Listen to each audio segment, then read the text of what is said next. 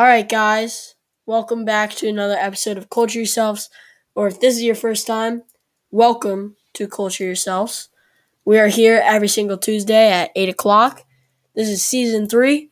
We made it so far, episode four. We are very, very close to our one year anniversary, which, trust me, is going to be a big, big episode. I'm already planning it. About to start recording, I think, next week. Um, so that's pretty exciting. Today I interview Josh Kotorski about his life. It's very interesting. It's uh it's a very good episode. I hope you enjoy it. And uh, go check out the merch. There's a link in the description. It's very nice. We've uh, broken a lot of records with sales so far. So thank you guys very much for that. And uh, enjoy the episode.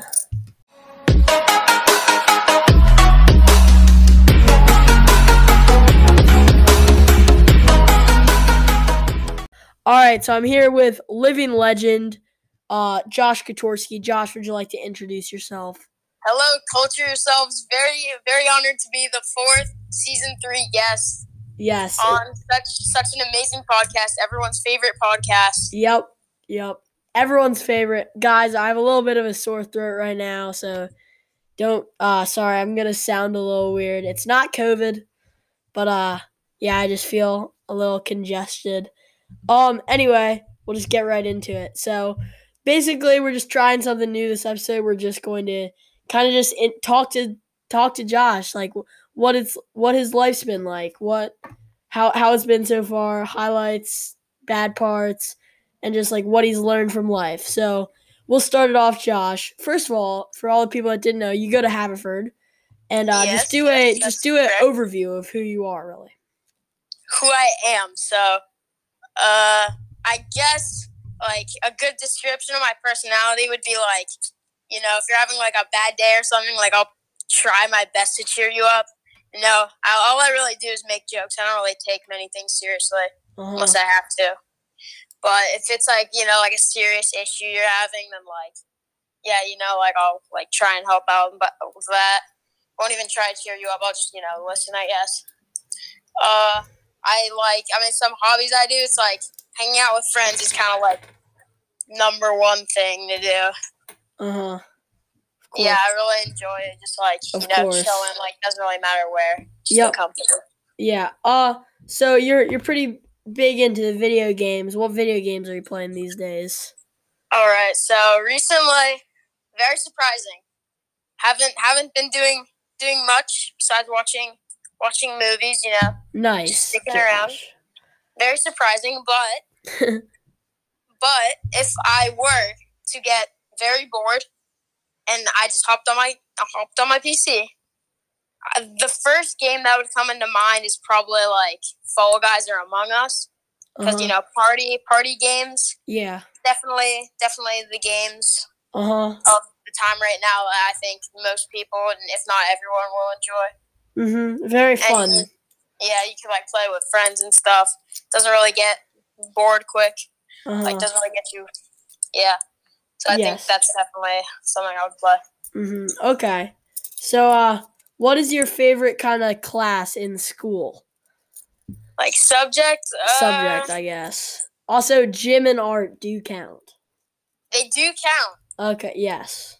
Well, then that's like a no-brainer. Then you're just gonna have to choose gym. Like hmm Yeah. you know, like you don't you don't have to sit down for an hour and you know do Yeah. like algebra and stuff. Like uh-huh. you just you know you just run around and stuff and just do some you try out some different sports and while you're doing it you know you're surrounded by you know a bunch of people that you know you really like talking to so Uh-huh. yeah definitely think that's that's definitely my number one All right. So this is a hard question.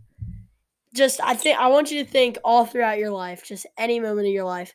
What is the what is your favorite story you can ever remember in your my entire life? My favorite story i could ever remember in my entire life Yes. Most interesting. now this one is it's not very it's not a very long story so it's pretty short but you know i remembered it for a couple of years just stuck with me kind of definitely formed me into that person i am so when i was in when I was in se- like first, second, third grade. Or I don't. I I think first or second. Uh, I had a friend Kenneth, and uh, he was like the funniest person I've ever met. And I at the time I wasn't very, I wasn't very funny. So, uh, I I you know I tried following his footsteps and stuff. Like every joke he made, I just cracked up. So Mhm.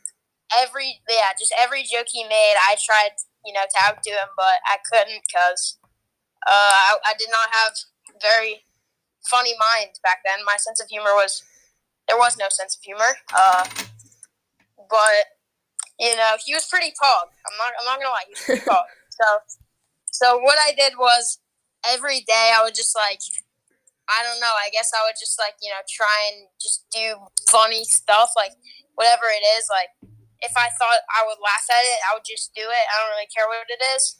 And every day I would just try and make it funnier and funnier. Mhm. And yeah, it's just like, yeah, what really got me to do that is when he like, you know, he he used to like read out like books and like read like like let's say like I had like uh like uh how to kill a mockingbird or something Mhm. like he would just like read it and he would be like pee pee poo poo or something like and since we were in like first grade it was like the funniest thing so i don't know that just kind of stuck with me he just took a book and he just he just made it funny you know he made a boring book funny and Yeah. yeah that's what made me realize like i want to do that like you know i just Uh-huh. want to Well, I'm happy he did that. You're one of the funniest guys at Haverford.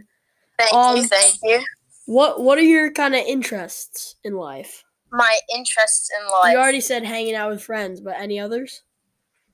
Well, as of now, I don't really have many plans for the future. But you know, for fun, like I'm definitely like you know, uh, ice hockey is something I really like. I really like to do. I definitely will not take it professionally, although, Mhm. or you know, I'm not really planning on taking that to like you know to get make money off it and stuff. I just find it just find, Find it, it fun. fun. and more of like you know, if I have Yeah. like a friend who's into ice hockey, like we can like go on a rink and you know just hang Mhm. out. Living life So- in the moment. Yeah, so that's like definitely something that's really fun. Uh, but if I was like, if I had to like do something and I had to choose it now, I'd probably like, you know, I'd probably get into like some programming stuff and like you know maybe hmm work for like a big like company that has to do with PCs like like Asus or Asus or something like Nvidia. Uh-huh. you know something because they not only make a lot of money but like you know it's just like gaming's just like you can do it your whole life and not get bored because there's new stuff coming out every day. Hmm but like if you're like playing a sport for your whole life like some people will probably eventually find it boring considering you know the rules don't really change you know it's the same thing but it, it is Mhm. still very fun sports are a very fun thing to do and if i were to do like a sport professionally i would probably do something like yeah i would probably do hockey if i had to do that professionally so hmm I don't know. If I if I do want to do that professional, I'll probably have to start, you know, doing like daily stuff for that, starting like soon. So Yeah. maybe maybe that too. We don't, you know, maybe don't really know, Yeah. or who knows? Like maybe like yeah, I could start a podcast like you too. Like you know, you never really know. yeah. Anything's Yeah. possible. Yeah, Anything's that's true. You just you honestly just can't give up. All right. So, well, first of all, what school did you go to before Haverford? Uh, so before Haverford, I lived in New Jersey, and a school I went to was Elizabeth Morrow. It was where was it? It was I think it was in like this place Englewood. It's like really near New York City.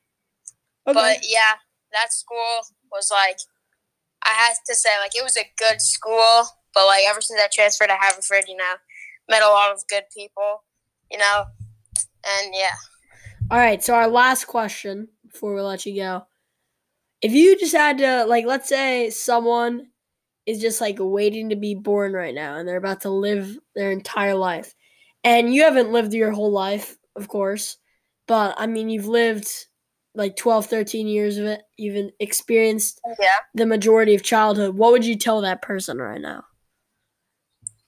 I guess you never know the golden days until they're over. If you think you're having a rough time, trust me, in the next two years, you'll look back and be like, "Wow, I wish I was there." Mm-hmm. Because not saying life goes downhill, but like you know, when I was eight, I like you know I was having the time of my life hopping on like my Xbox One with like my first grade friends.